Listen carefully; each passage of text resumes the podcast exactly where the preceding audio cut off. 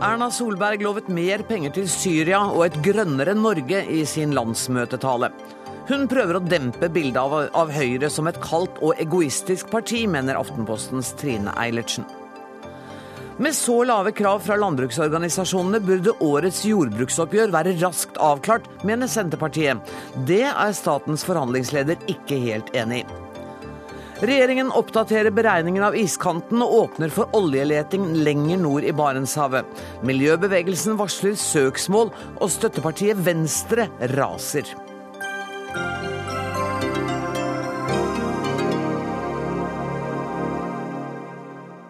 Dette er ukas siste Dagsnytt 18, der vi også skal markere at det nå er ett 100 år siden mer enn én million armenere ble drept. Vi får historien til etterkommeren av en av de overlevende. Men først. I dag åpnet Høyre sitt landsmøte på Gardermoen, og Høyre-leder og statsminister Erna Solberg snakket mye om den internasjonale situasjonen i sin tale til landsmøtet. Hun lovet også mer penger til humanitær hjelp i Syria og nabolandene, selv om hun ikke sa konkret hvor mange penger det er snakk om. Erna Solberg, takk for at du er med i Dagsnytt 18. Først bare gratulere deg med at dere er i gang med landsmøtet. Takk skal du ha. Er det fin stemning? Ja, det er veldig god stemning. Det er mange uh, spente lokalpolitikere som oppholder innlegg og markedsfører hva de er opptatt av foran uh, kommunevalget i den generelle debatten nå. Og så går det jo mye mer inn i saksdebatten etter hvert. Ja, og Vi har ikke tenkt å ta den kommunale delen i dag, men snakke litt om utenrikspolitikk. Du har sagt at dere vil gi mer penger til hjelp i Syria og nærområdene. Men hvis vi skal tro hjelpeorganisasjonene, så har ikke nærområdene kapasitet til å bidra. Burde ikke da Norge heller ta flere flyktninger fra Syria? Jeg tror ingen av bistandsorganisasjonene ville sagt at vi heller burde ta kvoteflyktninger. De sier vel både og. Mm. For jeg tror nok at prioriteten fra Høykommissæren for flyktninger, prioriteten fra FN-systemet, de frivillige organisasjonene er først og fremst nå på å få inn nødhjelp i Syria og til nabolandene rundt. Eh, så er det også et ønske om at man skal ta flere kvoteflyktninger. Derfor tar jo Norge mot flere kvoteflyktninger fra Syria nå. Men eh, Eh, det er veldig viktig å si at hvis, du først må velge mellom det, mm. så er det klart og tydelig at nøden er størst, vi hjelper flest når vi gjør det i nabolandene og inn i Syria.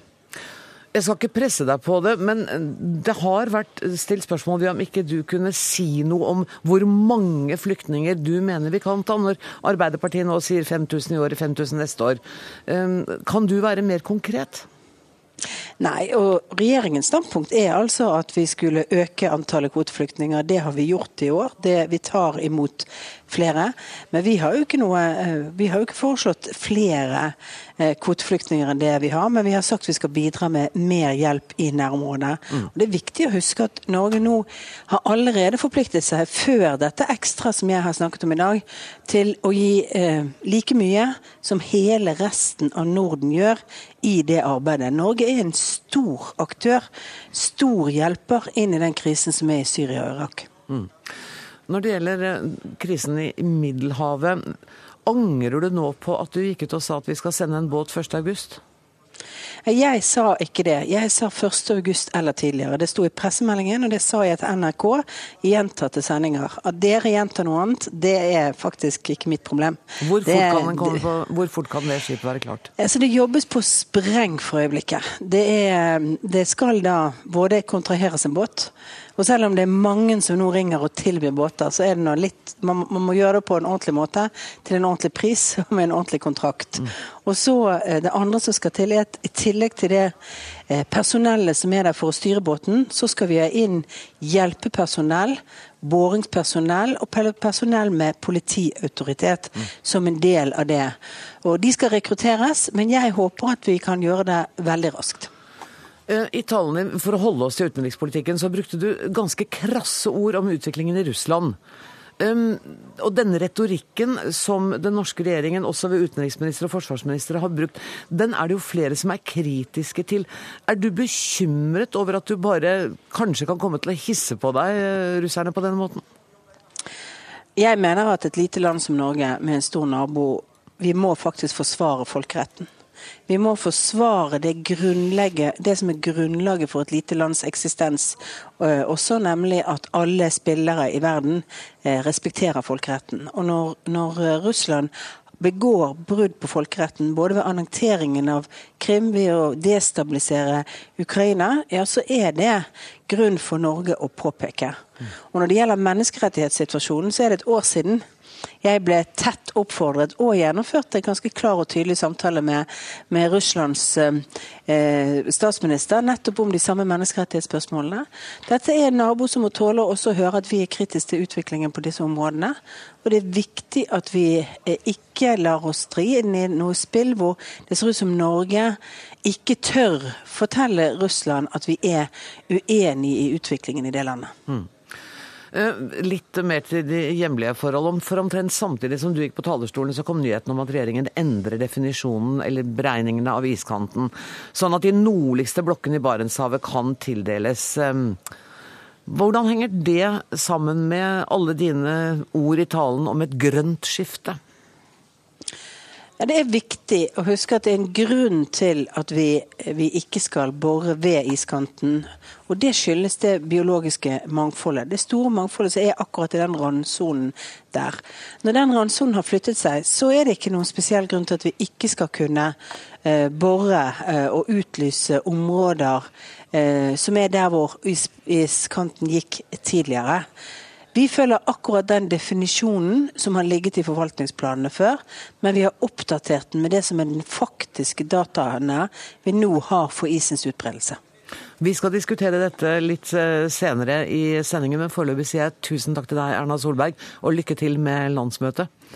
Takk skal du ha. Trine Eilertsen, du er politisk redaktør i Aftenposten, og du er med oss fra landsmøtet på Gardermoen.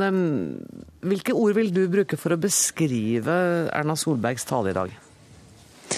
Den var en uh, blanding av en slags uh, driftsrapport, hvor det ramsa opp alt regjeringen har fått til, men også prøve å komme på offensiven på Middelhavet, og ikke minst Russland. Da. Men litt sånn driftspreget.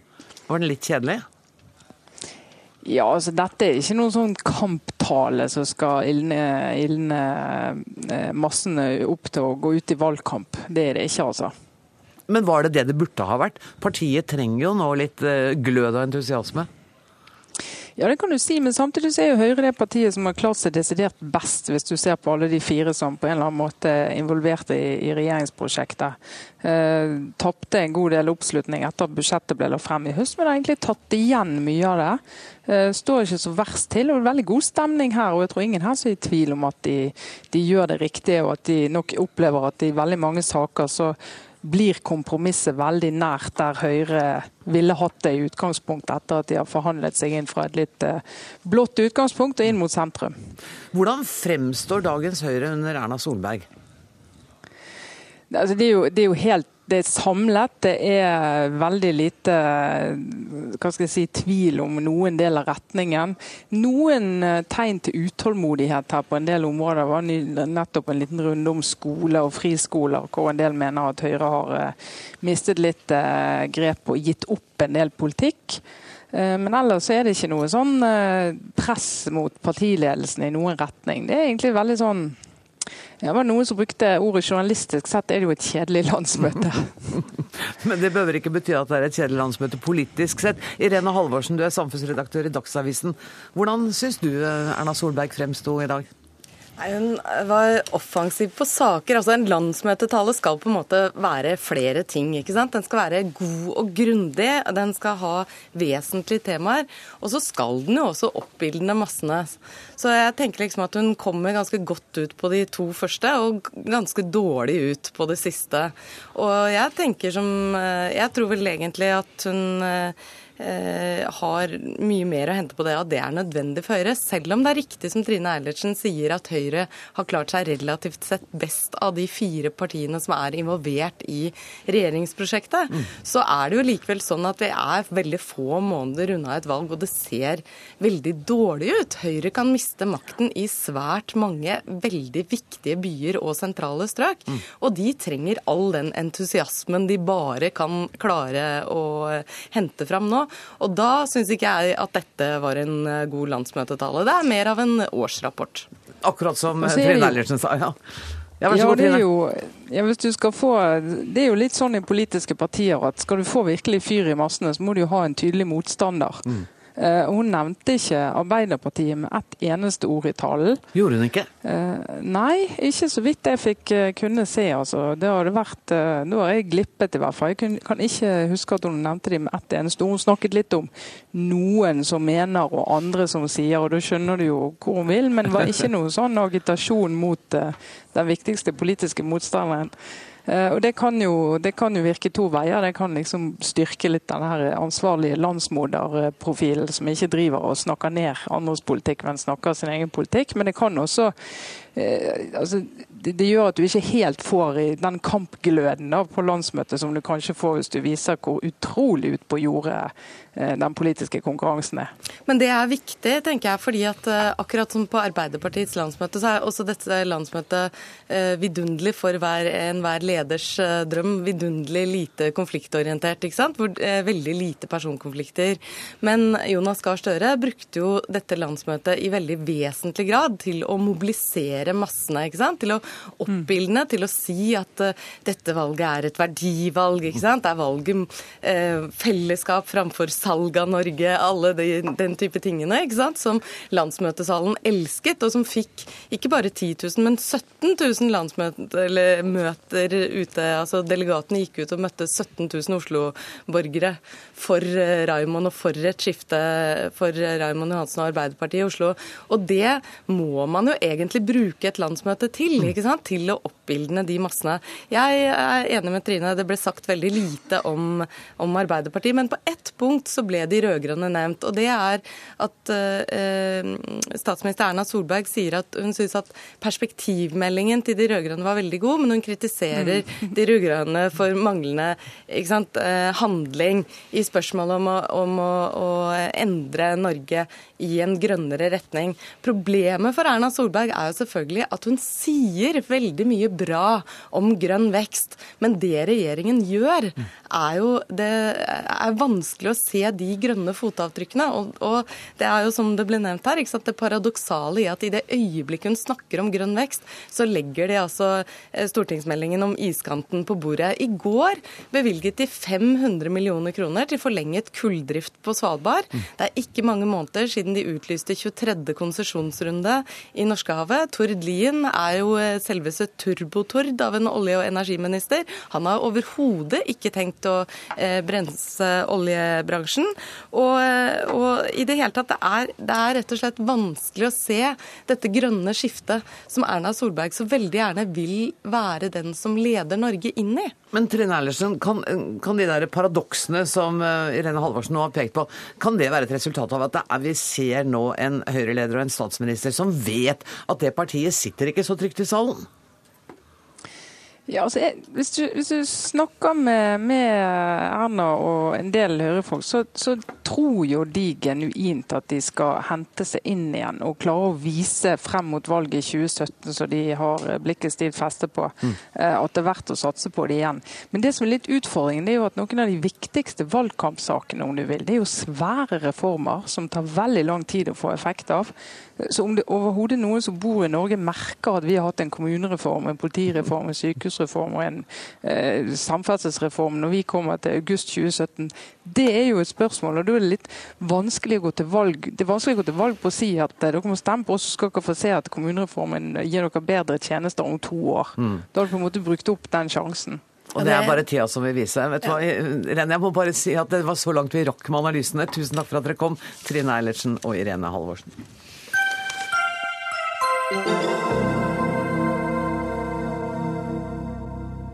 Det skal dreie seg om jordbruksoppgjøret. Bøndene krever 950 millioner kroner i årets eh, oppgjør. Senterpartiet mener kravet er lavt, og bør dermed være lett for regjeringen å innfri. Arbeiderpartiet omfavner Senterpartiet i landbrukspolitikken og mener regjeringen ikke har flertall for sin politikk. Eh, Lars Petter Bartnes, du er leder av Norges Bondelag. Hvor, altså 950 millioner. I fjor var det 1500 millioner. Hvorfor har dere redusert kravet så kraftig? Eh, ramma på årets jordbrukskrav er eh, et resultat av eh, grunnlagstallene som ligger for årets jordbruksoppgjør, som budsjettnemnda legger fram. Samtidig så har vi vurdert kostnads- og lønnsutvikling framover, som, som, da SSB legger sine grunnlagsstatistikk på. Eh, og I tillegg så gjør vi vurderinger i forhold til det som er oppdraget til norsk landbruk. Det er også å produsere mat til den norske befolkninga. Og Stortinget har vært veldig tydelig på at eh, det er å produsere til en økende befolkning på norske ressurser. Men alle disse summen, vurderingene lå jo der i fjor òg. Det er ikke noen nye, noe nye parametere i år. Det er nok eh, litt endring. Okay. Hvis vi går tilbake til fjorårets landbruksoppgjør, Eh, så var vi eh, i samfunnet her til lands i en situasjon der at kostnads- og lønnsveksten var ganske eh, stigende, eller i hvert fall på et høyere nivå enn det vi har i dag. Sånn at Bakgrunnen for at vi legger litt lavere ramme i, i år, det er knytta til at driverne i økonomien i samfunnslivet har endra seg. Renta er på et vesentlig lavere nivå. Lønnsutviklinga ser ut til å være på et lavere nivå.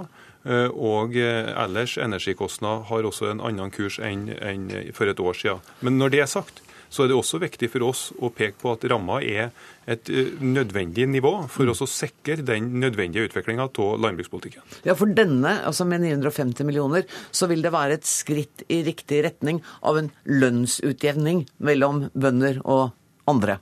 Ja, eh, vi har, vi har i grunnlagstallene også eh, grunnlag for å si det at våre eh, medlemmer eh, har et lavere lønnsnivå enn andre grupper her til lands. Eh, det er i størrelsesorden 150 000 kroner i, i forskjell eh, når vi måler det mot årsverk. Og, og vår, vår, inngang her er også å sikre en mulighet for oss å redusere den inntektsavstanden, og det er helt nødvendig for oss bl.a. å sikre rekruttering til næringa. Så kravet innebærer at det vil være en noe høyere lønnsvekst for bøndene enn det som ser ut til å bli oppgjøret for alle oss andre i år? Eh, det er riktig, Takk. samtidig som at vi har Jeg ble helt nervøs, jeg tenkte han sa noe gærent. Eh, men det stemmer i hvert fall. Ja. Eh, men da må jeg jo spørre deg, Leif Forskjell, for du er forhandlingsleder for staten. Nå har dere fått kravet. Så da, ja, så da kan vel du bare rett og slett fortelle meg hva dere svarer med? Eh, jeg, vil, jeg, kan fortelle det til deg, men da må vi ta det i en, annen, en, en annen anledning okay. oss, oss, to imellom. Jeg vil kanskje starte med å si at uh, når vi snakker om lønn, så blir det litt feil når det gjelder jordbruksoppgjøret. Okay. Fordi bønder er privat næringsdrivende, og ja. de lever av båndlinja i et regnskap. Ja. Og de påvirker den båndlinja i det regnskapet ganske mye sjøl. Gjennom hva de produserer, og hvordan de produserer, og hvilke kostnader de har og må ta, og som de så å si pådrar seg. Og Så er nok vår vurdering at uh, ramma på 950 millioner kroner, som er kravet i dag, den er nok uh, lavere enn i fjor, men den er fortsatt uh, veldig høy. Litt av de, av de, grunnene som Lars Petter Bartnes var inne på, for det er mye som har forandra seg. Lønnsveksten for andre, og da snakker vi om lønn, den går jo veldig mye ned. Men kan vi snakke om inntekt da når det gjelder bønder? Sånn vi kan snakke om inntekt når det gjelder bøndene. Og, mm. og inntektsutviklinga for bøndene den har vært veldig god og mye bedre enn det vi la til grunn i fjor. Så det er veldig mange gode grunner til at, eh, at eh, kravet nå er lavere enn i fjor. Og vi syns nok at det fortsatt er veldig høyt, mm. og at vi da får eh, krevende forhandlinger. Men, men uansett så kan jo ikke spriket bli sånn som det var i fjor, hvor de krevde 1500 millioner og tilbudet fra staten var på 150. Det er jo ikke mulig. Dere kan jo ikke komme med 95 millioner? Det er i hvert fall slik at eh, vi har bedre forutsetninger for å forhandle jordbruksoppgjøret i år enn i fjor, fordi det er en mer avklart politisk situasjon etter, etter det oppgjøret som, som, var i fjor. Eh, Bartnes, i fjor var det voldsomme konflikter eh, rundt oppgjøret. Har dere på en måte tatt konsekvensen av det og sagt at vi skal unngå det i år? Vi har eh, arbeidet fram et eh, krav som vi mener er et godt krav for å svare ut de behovene som, som ligger. For å uh, si det, så, så, tror vi at det er et krav som det skal gå an å møte i forhandlinger med. Eh, samtidig som eh, forhandlingsleder til staten peker på at eh, det er grunnlag for staten også å møte oss på en offensiv måte også, for, for, i og med at grunnlagstallene er, er, relativt gode. Mm. Da er det jo sånn at det er to parter i forhandlingene. og Vi har gjort vår jobb. Vi har lagt inn et ansvarlig krav i forhandlingene, og vi mener at det har en god innretning også for å bidra til en, en brei utvikling av matproduksjon her til lands, der at det er viktig å stimulere også til bruk rundt omkring i landet. Forskjell, ser du litt lysere på forhandlingstemperaturen i år enn i fjor? Eh, ja, som jeg sa, så er det et bedre grunnlag fordi den politiske situasjonen er, er mer avklart. Flertallet på Stortinget har jo vedtatt jordbruksoppgjøret i fjor, og det er jo et felles utgangspunkt for partene. Og Jordbruket har lagt fram et eh, lavere krav enn i fjor eh, rammemessig, men fortsatt så har vi en utfordrende situasjon. fordi Lønnsveksten er som sagt på vei ned i samfunnet ellers, og, bøndene har en veldig god inntektsutvikling allerede uten noen tillegg. Og så er det vel ikke noe mål at dette oppgjøret skal havne i Stortinget? Eh, det er alltid et mål å nå fram til en eh, avtale. Nettopp. Uten Stortingets innblanding. Du, når er det du kommer til å gå offentlig ut med hva som er tilbudet? Eh, ja, 5. mai, 5. mai. offentlig, og så kan jo vi avtale om vi skal ha en, en egen avtale. Vi kan ta oss en kaffe, ja. ja kan det. Og når skal dere være ferdig med forhandlingene? Det normale er at vi sier at vi skal være ferdig innen 15. mai, og det vil vi nok ta sikte på også i år. Da kommer dere tilbake hit da. Trygve Slagsvold Vedum, du er med oss fra studioet vårt i Elverum. Du hører her at eh, forhandlingslederen fra staten eh, syns ikke at dette eh, kravet var spesielt moderat. Nei, men Det er Leif Forskjell programforplikta til å si. Det vil han si. Tror du han ikke mener det? Nei, Hva han personlig mener, det vet jeg ikke. Han har jo en statsråd han skal forholde seg til. Så det er jo, hans budskap er jo statsråden sitt budskap. Eh, og så sier jo eh, en ting til, at det er en mer avklart politisk situasjon i år enn i fjor. Og det som skjedde i fjor, var jo historisk. fordi at eh, Stortinget gikk inn og overkjørte statsrådens tilbud fullstendig. Mm. Og vi sa at det som statsråden kom med, det holdt ikke mål. Det regjeringa kom med, var ikke høye nok ambisjoner for norsk matproduksjon. Og for første gang så gikk Stortinget inn da og, og kom med tilleggsbevilgninger og detaljstyring av regjeringas landbrukspolitikk. Så så det, var, det ble jo bedre. Eh, og, og, jeg håper jo selvfølgelig at statsråden har skjønt at hennes politikk ikke har flertall i Stortinget. Men nå sier jo også forskjell at inntektsutviklingen for bøndene har vært bra. Ja, altså det har jo det har, det har heldigvis, eh, etter en veldig lang periode der det, var, der det ikke har vært noe reallønnsvekst, vært reallønnsvekst i landbruket de siste åtte-ni åra. Og at vi klarte også å tette inntektsgap et par år. Men så er behovet for kapital til norsk landbruk er så enormt. Skal vi ha en matproduksjon rundt omkring i hele landet, skal vi ha en levende matindustri som sysselsetter 40 000 mennesker bare i industrien, så trenger vi at det er landbruk fra Finnmark i nord til Agder i sør. Og da må de som produserer mat, tjene penger. Og da må vi ha tilpassa landbrukspolitikk til det landet vi har, med dype daler, høye fjell, kaldt klima. Og da trenger man mer penger, ikke mindre. Og det kravet som har kommet fra landbruket i dag, det er et veldig forsiktig krav, tilpasset at vi har en eh, blå-blå regjering. Og det bør være svært enkelt for regjeringa å komme i møte. Altså det, blant annet så er det jo under en halv milliard i budsjett de krever. Resten skal tas ut til markedet. Og det er da mindre enn det regjeringa i går bevilga til videre kulldrift på Svalbard. Så det er ikke noe stor sum for å ha en levende næring rundt omkring i hele Norge. Jeg hadde trodd vi skulle fått til en skarpere politisk debatt her, men verken Høyre, Kristelig Folkeparti eller Venstre ønsket å diskutere dette. Men Knut Storberget, du sa ja til å være med, men du er kanskje ikke så veldig uenig i det Trygve Slagsvold Vedum nettopp sa? Nei, jeg følger jo uh, Slagsvold Vedum på at uh, her må det uh, et oppgjør til som sikrer at vi kan produsere mer mat for framtida. En mat som bare blir mer og mer ettertraktet, altså den norske, som er matsikker og, trygg. Jeg har ikke lyst til å kommentere i realiteten i oppgjøret nå. Hvorfor ikke det? Nå er det til forhandlinger. Men, jo, men Du står da fritt til å kommentere det allikevel, Storberget? Jo, men jeg syns vi skal ha såpass respekt for forhandlingsinstituttet at uh, nå får vi kunne uttrykke at uh, et salig ønske om at uh, man klarer å komme til enighet. Og jeg har lyst til å undersøke bare det som statens forhandlingsleder, departementsråd Forskjell, sier, altså at nå har man faktisk en mer avklart politisk situasjon. Slik jeg tolker det, eh, og slik jeg leser det, eh, så er det jo faktisk slik at både Venstre og Kristelig Folkeparti, Arbeiderpartiets landsmøte nå nylig og de øvrige rød-grønne partiene har sagt at det er viktig at vi tetter inntektsgap. Samtidig så sier de samme partiene at det er viktig at man ikke gjør betydelige strukturendringer, f.eks. å endre denne mjølkekvoteregionsinndelingen, som er veldig viktig i norsk landbrukspolitikk, og at man tar det ved andre anledninger. Mm. Og så har man også veldig klart uttrykt at vi ønsker å opprettholde et jordbruk over hele landet som uh, må innebære at man må sikre både små, mellomstore og store bruk. Så jeg, jeg opplever at uh, hvis statens forhandlingsleder uh, har det mandatet, at man går inn i disse forhandlingene med at man faktisk ser på det stortingsflertallet nå faktisk har uttrykt, så er jeg optimist. Jeg skal høre med forhandlingslederen om han har det mandatet. Ja. Ja, Det mandatet vi har, er å realisere Stortingets eh, landbrukspolitikk ut fra den innstillinga og flertalls, flertallsmerknadene til innstillinga i fjor, og den avtalen som er inngått gjennom, mellom samarbeidspartiene. Så den mer avklarte politiske situasjonen er jo da basert på den avtalen som er inngått mellom Høyre, Fremskrittspartiet, Kristelig Folkeparti og Venstre ja, i fjor. Så svaret er kort ja til uh, akkurat det. Um, Slagsvold Vedum, du har ikke vært så forsiktig med å kommentere selve dette kravet fra bøndene.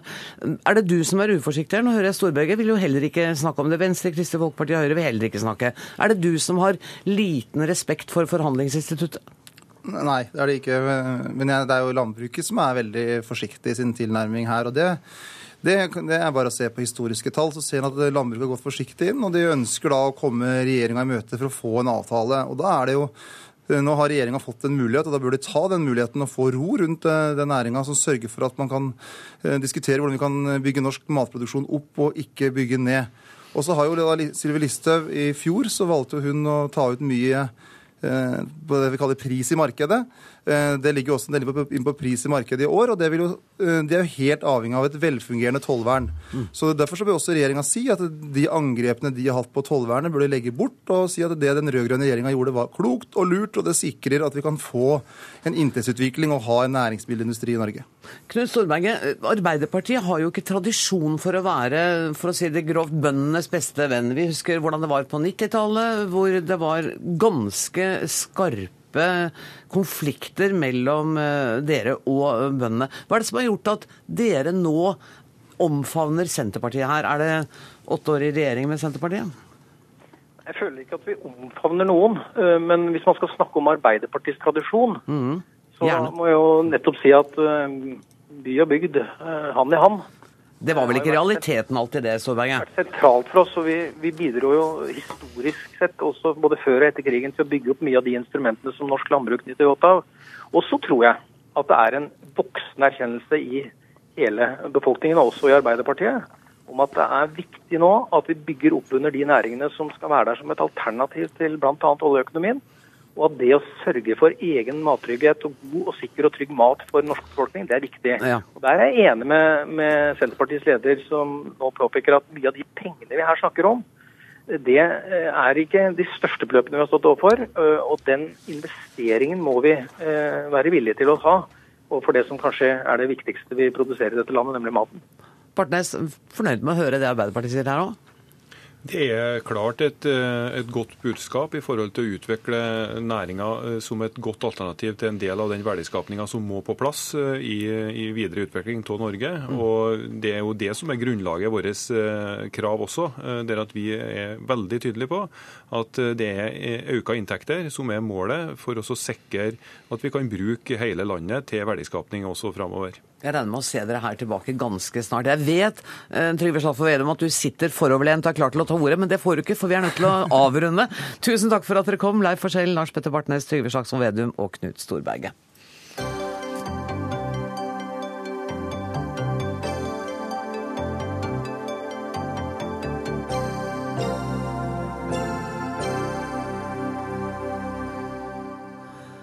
Om en knapp time skal armenere her i Norge gå i fakkeltog i Oslo sentrum. Eh, der skal de minnes og markere at i dag er det 100 år siden 250 framstående armenske intellektuelle og ledere ble massakrert. Det ble sett på som starten på massedrapene i Det osmanske riket, som altså var forløperen til Tyrkia. Tallet på drepte er omstridt, men et sted mellom én og to millioner mennesker mistet livet. Narin Aharutunyan, sa jeg det riktig nå? um, velkommen hit. Du er styremedlem i det armenske apostoliske kirkesamfunnet her i Norge. Dine besteforeldre overlevde den katastrofen. Hva har de fortalt deg? Det er ikke mye de har fortalt, for det var så trist. Og sorgen hadde ikke De hadde ikke kommet over sorgen. Så det, det som vi hørte, det var jo liksom små historier. Stort sett fra bestemor. Og hver gang hun begynte å fortelle om det, så brant tårene. Mm. Så, det, så satt vi sammen etter hvert. Når vi lærte om det på skolen, og sånn, så satt vi sammen historien. Så så vi hva det hadde skjedd. Så så vi hele, helheten av det som hadde skjedd den gangen. Mm. Sett deg litt nærmere mikrofonen, mm. for dette her er en utrolig interessant historie. Hvordan, hvordan klarte besteforeldrene dine å overleve? Uh, bestemor var 13 eh, eller 15 år den gangen. Og så uh, bestefar var 18. Den gangen gifta jo de seg veldig tidlig, da, så de var jo gift. Så mm, når bestefar dette starta, så bestefar verva seg på de frivillige um, Eller um, kom seg til de frivillige soldatene for å være med og kjempe imot. Mens bestemor var jo hjemme med svigerforeldrene sine og søsken. Så når dette starta i Erzrum, de var fra Erzrum, når dette starta der, så da fikk de beskjed om å rømme. Så de rømte.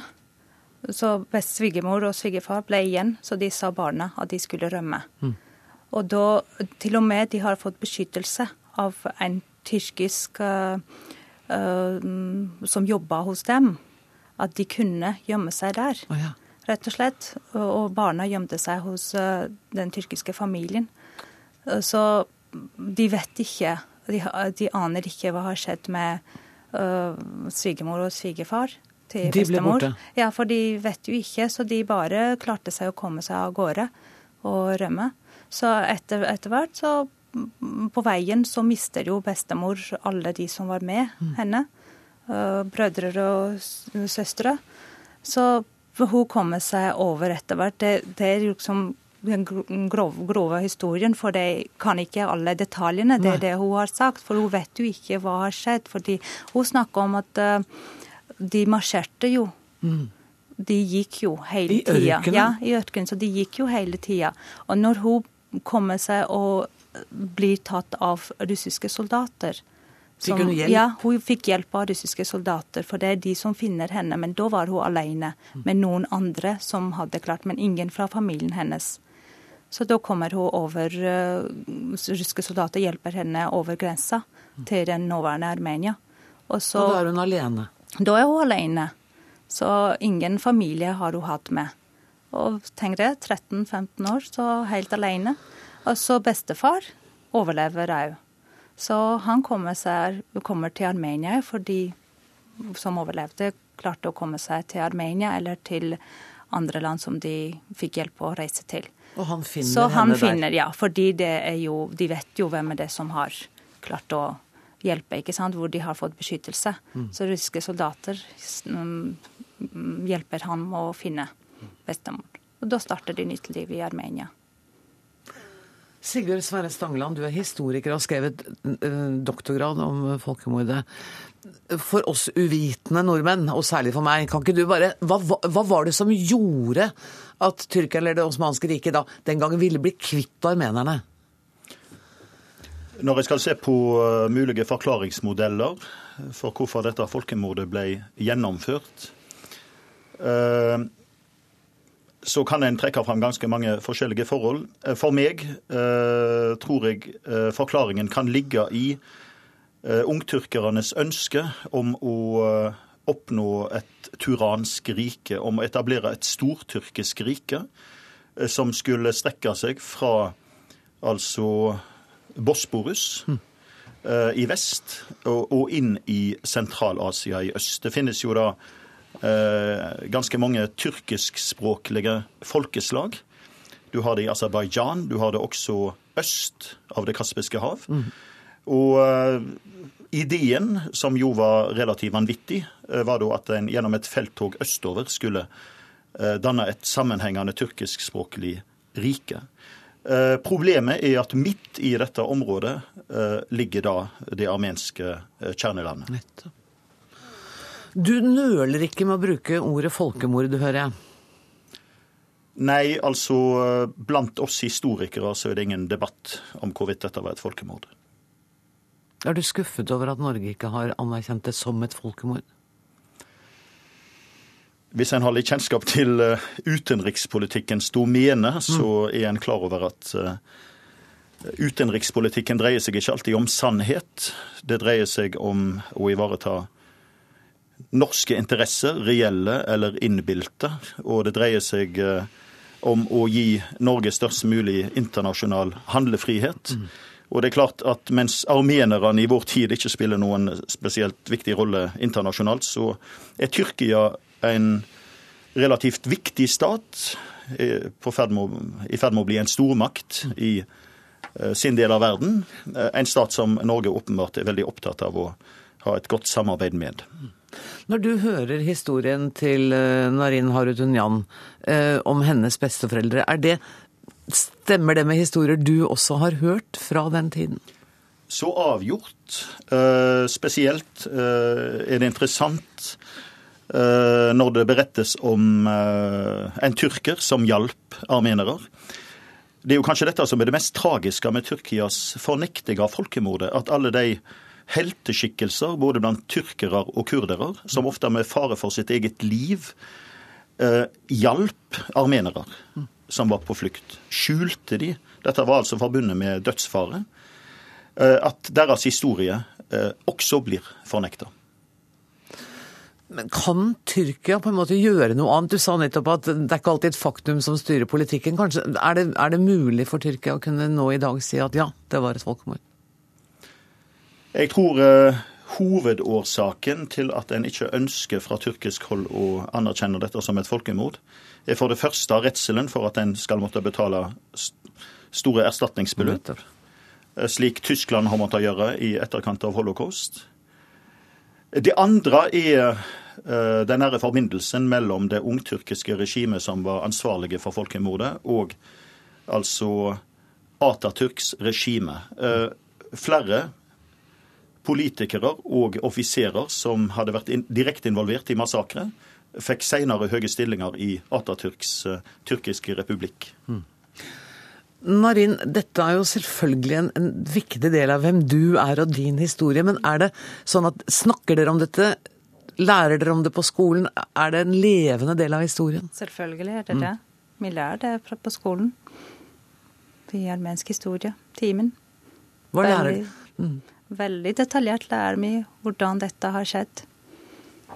Hvordan, eh, hvordan, hva lærer dere om tyrkerne? Nå har vi jo hørt du fortelle at det var tyrkere som gjemte din bestemor og hjalp.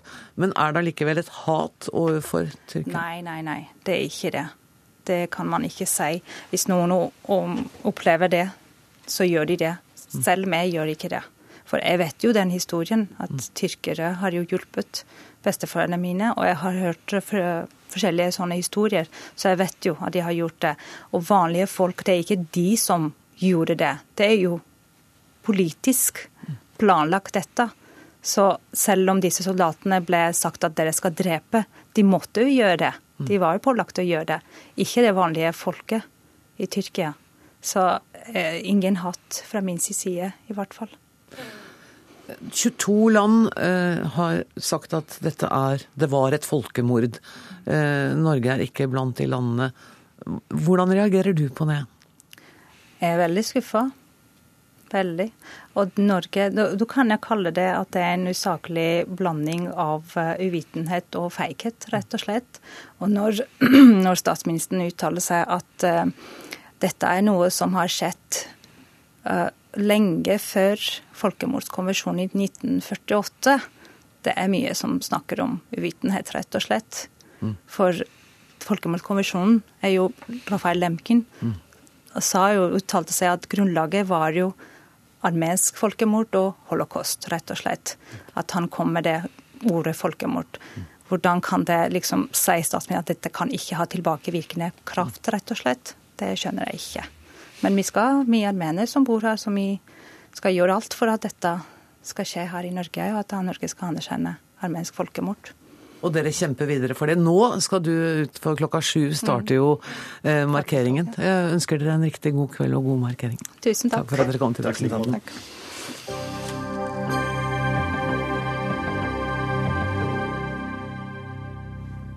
Ja, som vi så vidt var inne på i begynnelsen av eh, sendinga, så har altså regjeringen i dag endret sin beregning for hvor iskanten går i Barentshavet.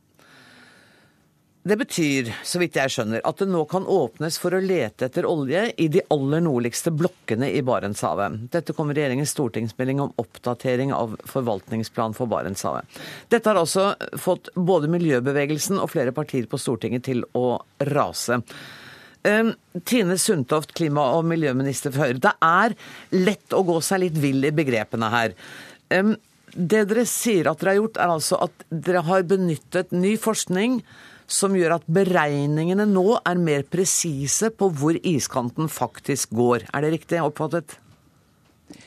Det er riktig. Stortinget har vedtatt at vi skal ha petroleumsaktivitet i Barentshavet sørøst. Samtidig har Stortinget sagt at det ikke skal være petroleumsaktivitet ved iskanten. Min jobb i dette er da å finne ut hvor iskanten går. Da går vi til forvaltningsplanene. Det er hovedplanen for havene våre, der vi ser helhetlig på hvordan miljø og aktivitet skal avveies mot hverandre. De planene oppdaterer vi med jevne mellomrom. Det vi har gjort i dag, er å bruke den samme definisjonen som Stortinget brukte da de eh, presenterte, eller da de behandla forvaltningsplanen i 2006 og 2011. Men vi har oppdatert den definisjonen med nye tall. Da Stortinget hadde dette i 2006 og 2011, baserte de sine data fra 1970- og 80-tallet. Vi mener at det gir liten verdi når vi skal diskutere hvordan Barentshavet skal forvaltes i 2015. Det var derfor jeg ba Norsk Polarinstitutt fortelle oss, basert på oppdaterte data, men med samme definisjon, mm. på hvor iskanten nå går. Det er det svaret vi har lagt fram i dag. Nettopp. Og jeg håper vi kan bidra til å rydde opp, for det har vært litt forvirring i dag. Men, men definisjon, du sier at dere bruker samme definisjon. Og sånn som jeg har lest det, så er definisjonen av iskanten eh, det er grensen for området der det er mer enn 30% sannsynlighet for sjøis i april måned. Det er riktig. Takk. Det var den definisjonen Stortinget la til grunn. Nettopp. Man kunne vel tenke seg at man brukte en annen definisjon? Det går an å bruke en annen definisjon, men når vi skal oppdatere en forvaltningsplan, så mener vi at det er riktig nå å bruke den samme definisjonen som Stortinget tidligere har brukt. Så har vi sagt at vi skal lage en ny forvaltningsplan i 2020, eller legge en ny forvaltningsplan fram i 2020 mm. i det arbeidet, kan det være naturlig å vurdere om vi skal legge en annen definisjon til grunn. Men i denne oppdateringen mente vi at det var viktig å legge samme definisjon til grunn, men vi har oppdatert den med nyere data. Ola Elvestuen, nestleder i Venstre og leder i energi- og miljøkomiteen på Stortinget. Når det er et faktum at denne grensen har fysisk beveget seg, og man bruker den samme definisjonen, hva er det som gjør deg så sinna i dag da? Det er at man nettopp ikke bruker den nye forskningen og de nye innspillene fra Polarinstituttet. For det man nå gjør, er at du åpner opp områder hvor, som jo Polarinstituttet viser, at du må bruke en ny definisjon. At man bruker maksimal isutbredelse de siste 30 år. Og maksimal isutbredelse er langt sør for den grensen som de gjør nå. Og dette er jo ikke bare, jo ikke bare et spill om tall. Dette handler jo om de mest sårbare områdene som vi har. Det er et område som er stappfull av liv. og dermed med, så er det som er viktig, at vi ikke skal ha petroleumsvirksomhet i de viktige områdene. og Derfor burde du brukt den siste forskningen og den kunnskapen, og den har vi fått til denne regjeringen. Litt, for Det som er vanskelig nå, er at uh, statsråden sier at hun nettopp har brukt den nyeste forskningen. Du sier at hun mm. ikke har gjort det, og da sitter jeg og lurer på hvem av dere skal jeg stole på? Du, du må stole på Polarinstituttet. Polarinstituttet. Fordi ja, men det er det hun viser til. Nei, det hun viser til er at hun har bare laget en fremskrivning basert på den metoden som ble brukt tidligere. Okay. Polarinstituttet i sin høringsuttalelse til den 23. konsesjonsrunden sier at den ikke er god nok i forhold til hvor iskanten og de sårbare områdene faktisk er. Og Da bruker de en metode som er annerledes, nemlig maksimal isutbredelse, og viser da at de sårbare områdene går lenger sør enn det regjeringen nå legger opp til. Sundtoft. Det er riktig at Polarinstituttet hadde en høringsuttalelse om 23. konsesjonsrunde. Det dreier seg om en høring enkeltsak der de ønsker å legge 1 til grunn. Men i denne saken, når det gjelder forvaltningsplanen, så har vi bedt Polarinstituttet om å oppdatere tallene. Så vi har basert oss på de tallene vi har fått fra Polarinstituttet. Vi har støttet oss her på faglig råd, basert på den samme definisjonen som Stortinget hadde i 2006 og 2011. Så det er to forskjellige saker Ole Elvestuen og jeg snakker om. Det ene er høringsuttalelse til 23. runde, og det andre er oppdatering av forvaltningsplanen. Jeg har ikke lest høringsuttalelsen til 23. runde. Det jeg er opptatt av nå, er er det slik at det er en reell uenighet mellom dere om hvor den iskanten egentlig går? Det er en reell uenighet at de nå bruker gammel kunnskap. De bare fremskriver, bruker ikke rådet fra Polarinstituttet, de bare bruker tallene og fremskriver de fra tidligere. Rådet det følger man ikke. Vi mener at det er den oppdaterte kunnskapen som man må benytte. For dette handler jo i realiteten om hvilke områder du skal tillate petroleumsvirksomhet inn i. Og det alle er enige om, er at den skal vi holde utenfor de mest sårbare områdene. Og da må du også gjøre en endring i forhold til hvilken metode man bruker. Sundtoft, du må vente litt. Vi har en til i studio som også er uenig med deg, Karoline Andaur fra naturvernorganisasjonen World Wildlife Fund. Um, er dere også uenige i selve definisjonen av hva iskanten er? Er du på Elvestuens lag her? Det er jeg så absolutt. For det som vi nå egentlig ser, vi ser en minister som helt selektivt velger ut den informasjonen som passer henne. Hun velger å si at ja, vi finnes en høringsuttalelse fra Norsk Polarinstitutt som hun velger bort. Så hun velger selektivt det faggrunnlaget hun nå ønsker for å tillate mer olje og gass i Arktis. Men det er et faggrunnlag hun også bruker? Det er et faggrunnlag. Og når hun da viser til forvaltningsplanene fra 2006 og 2011, så er det et faggrunnlag fra 2003. Og den var Norsk Polarinstitutt med å utarbeide og utvikle. Men siden det, siden tolv år siden, og hun viste jo selv til at vi skal bruke i 2015 som må man ny informasjon, den best tilgjengelige. Den best tilgjengelige bruker hun ikke nå. Gjør du ikke det, Sundtoft? Jeg trodde du nettopp sa at du bruker den best tilgjengelige og nyeste informasjonen. Det er nettopp det jeg gjør. Men her blandes det to forskjellige saker. Det ene er at Stortinget har vedtatt at vi skal ha petroleumsaktivitet i Barentshavet sørøst. Så var det en høringsrunde rundt dette i 23. runde. Da kom Polarinstituttet med sin innspill.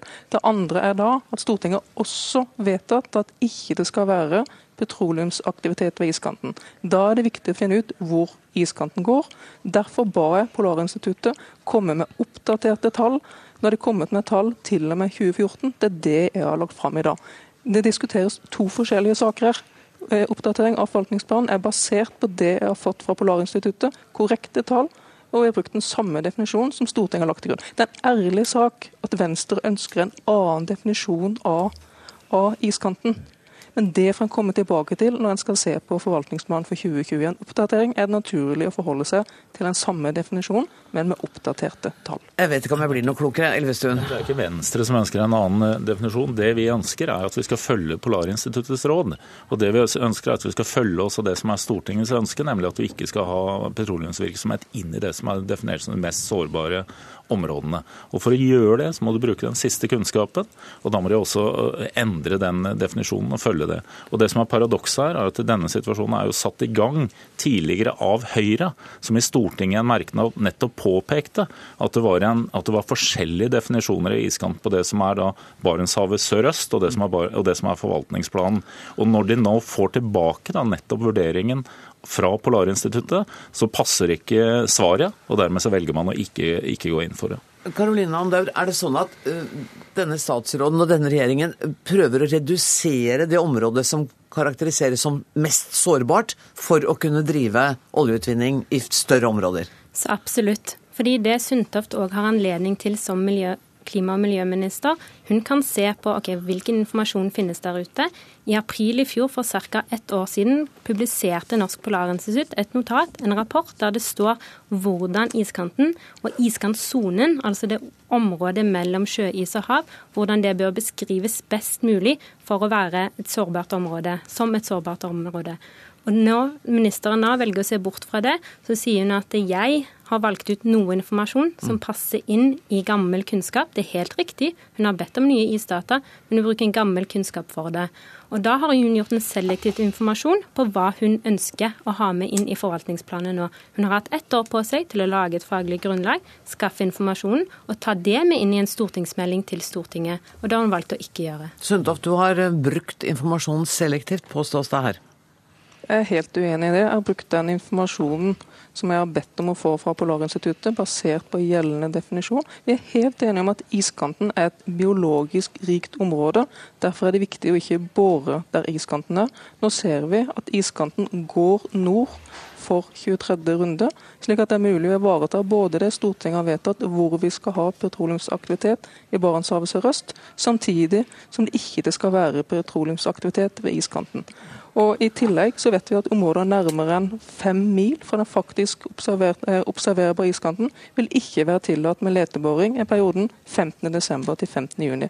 Vi eh, stiller strenge miljøkrav her, det er viktig. Men eh, jeg må ta hensyn til hva Stortinget har vedtatt. Stortinget har vedtatt to ulike ting, og nå får vi funnet ut at dette er ikke motstridende. Den siste kunnskapen viser jo det, at disse sårbare områdene går mye lenger sør enn den definisjonen de nå legger til grunn. Men heldigvis, nå kommer jo denne saken tilbake til Stortinget. Si, nå, blir dette, nå, blir dette, nettopp en diskusjon for to, mm. Stortinget. og Jeg håper virkelig at partiene der legger eh, den siste tilgjengelige kunnskapen til grunn, og ikke viderefører det som er en litt sånn selvpålagt naivitet ved bare å fremføre uh, tall på gammel kunnskap. Da må jeg si tusen takk for at dere deltok i denne samtalen denne dagen. Og så kommer vi garantert til å snakke mer om dette. Tusen takk skal dere ha, Tine Sundtoft, Karoline Andaur og Ola Elvestuen.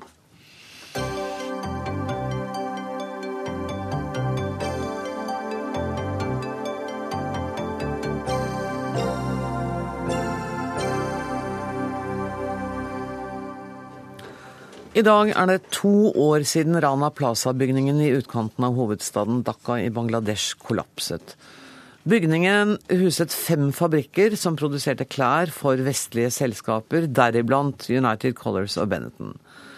Over 1100 tekstilarbeidere ble drept, 1100 mennesker og mer enn 2500 ble skadd. Og etter tragedien så ble det lovet forbedringer og mange internasjonale tiltak.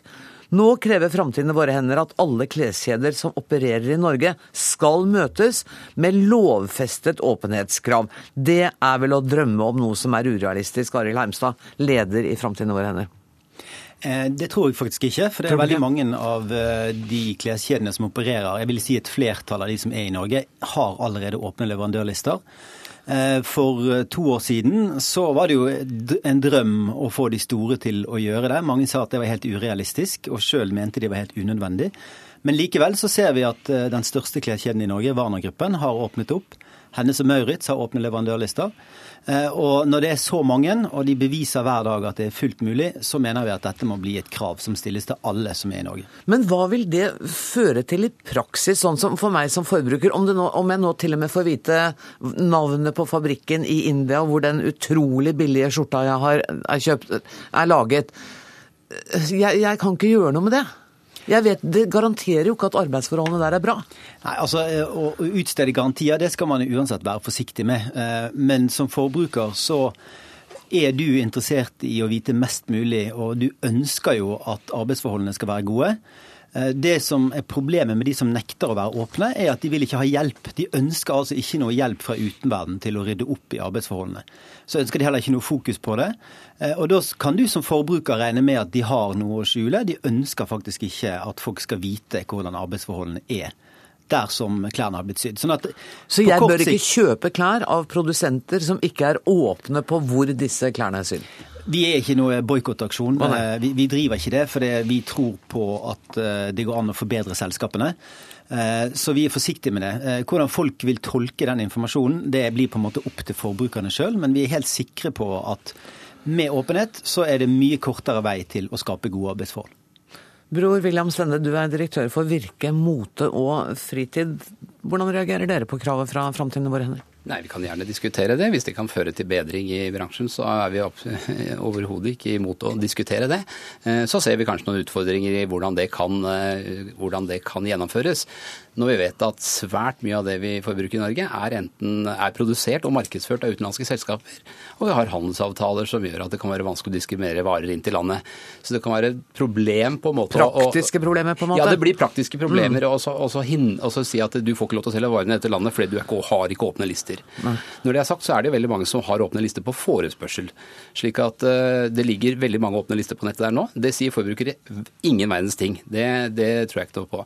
Uh, men uh, det som skjer blant de som har åpne lister, er ofte at eh, det blir brukt av organisasjoner i f.eks. i Bangladesh mm. Eh, for å kontrollere hvilke fabrikker som blir brukt i det landet, og kan gå inn da og se i samarbeid med, med ILO f.eks. altså se på arbeiderretter etter hvordan de har det. Så og det er jo bra. Og det er kjempebra. Ja. Og, og, derfor er disse åpne listene viktige. Men, men dere er jo så hjertelig enige. Men, ja, nei, men åpne lister i seg selv skaper jo ikke endringer. Dette er et globalt problem. Det er et stort samarbeidsprosjekt å løfte tekstilindustrien.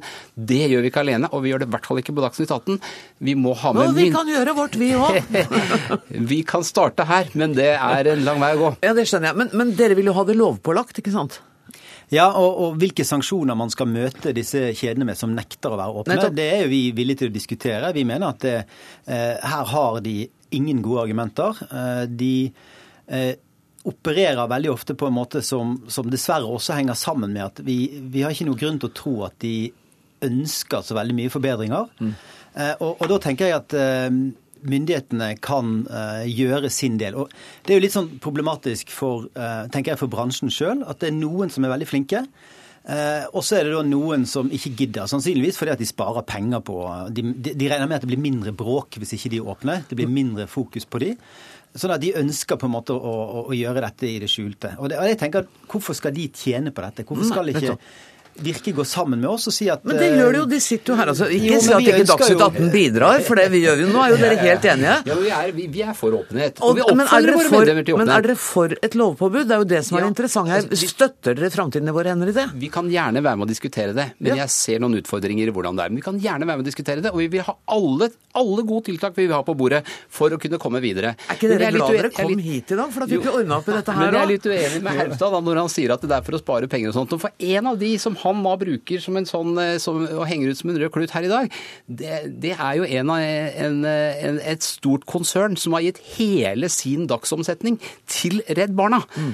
Altså hele sin globale dagsomsetning ble gitt til Redd Barna. Var det United Colors og Benton, eller hvem var det? Nei, det var Bressele-konsernet. Oh, ja. oh, ja. Og det har akkurat skjedd nå i april. Og da er du ikke ute etter å spare penger.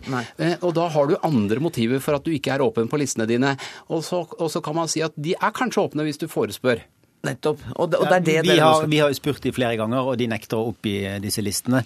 Eh, og jeg, synes, jeg er veldig for veldedighet, men Poenget med å drive business må jo være at du driver butikken din på en måte som i utgangspunktet er etisk, sånn at du slipper på en måte å, å bevise for omverdenen med å være litt snill innimellom at du gjør en god jobb. Jeg, jeg vil jo at de det viktigste en kleskjede kan gjøre i 2015, altså to år etter Rana Plaza, er jo å, å, være åpne og fortelle resten av verden at vi ønsker aldri at noe sånt skal skje, igjen. For det er totalt uholdbart. Dette var jo noe som skjedde i vestlige land for 100 år siden. Og nå har vi altså flyttet produksjonen til fattige land hvor den type hendelser skjer, hvor lønnsforholdene er elendige. De kan sammenlignes med sånn som vi hadde det for 80-100 år siden. Eh, og de, har, de må jobbe overtid. Og det, vi, vi avdekker gang på gang at fremdeles er det et godt stykke igjen før de som syr klærne våre, har et uh, verdig liv. Og virker helt enig i det. Men også tenker jeg at hvis arbeidsforholdene for en del av disse arbeiderne skal bli bedre, så må kanskje prisene på klær noe opp. Og det gjør vel ikke noe, for klær har vel sånn i gjennomsnitt aldri vært billigere enn det er nå? Nei, nå har det faktisk eh, Nå begynner det å flate ut. Men det har vært en prisnedgang, gjennomgående prisnedgang. Så i forhold til vår disponible, eller vår husholdningenes inntekt i dag, så er klær veldig rimelig. Veldig billig. Vi har råd til å betale litt mer, sånn at arbeiderne som syr dem, ja skal få bedre forhold? Ja da, altså, men det er ikke så veldig enkelt som Nei. det, ikke sant. Altså, her må vi jobbe med myndighetene i de landene vi produserer, og løfte minstelønnen og få en terskel, slik at alle kan gå inn på en, en, en, en lønn til å leve av, og så skal det bygges der, derfra på kompetanse. At er man flink, har man eh, vært, har, altså man kan avansere, så kan man tjene mer. Vet du hva, så, Det var utrolig deilig å avslutte denne fredagen med to blide, ganske enige menn i studio. Jeg regner med at neste gang vi ses så har dere løst dette, og dere har fått til det lovpålegget. Tusen takk for at dere kom, bror William Stende og Arild Hermstad. Helt til slutt skal jeg bare fortelle at det var Berit Ytrehus som var ansvarlig for Dagsnytt 18 denne fredagen. Det tekniske ansvaret er det Finn Lie som har. Jeg heter Anne Grosvold og ønsker dere alle en riktig god helg.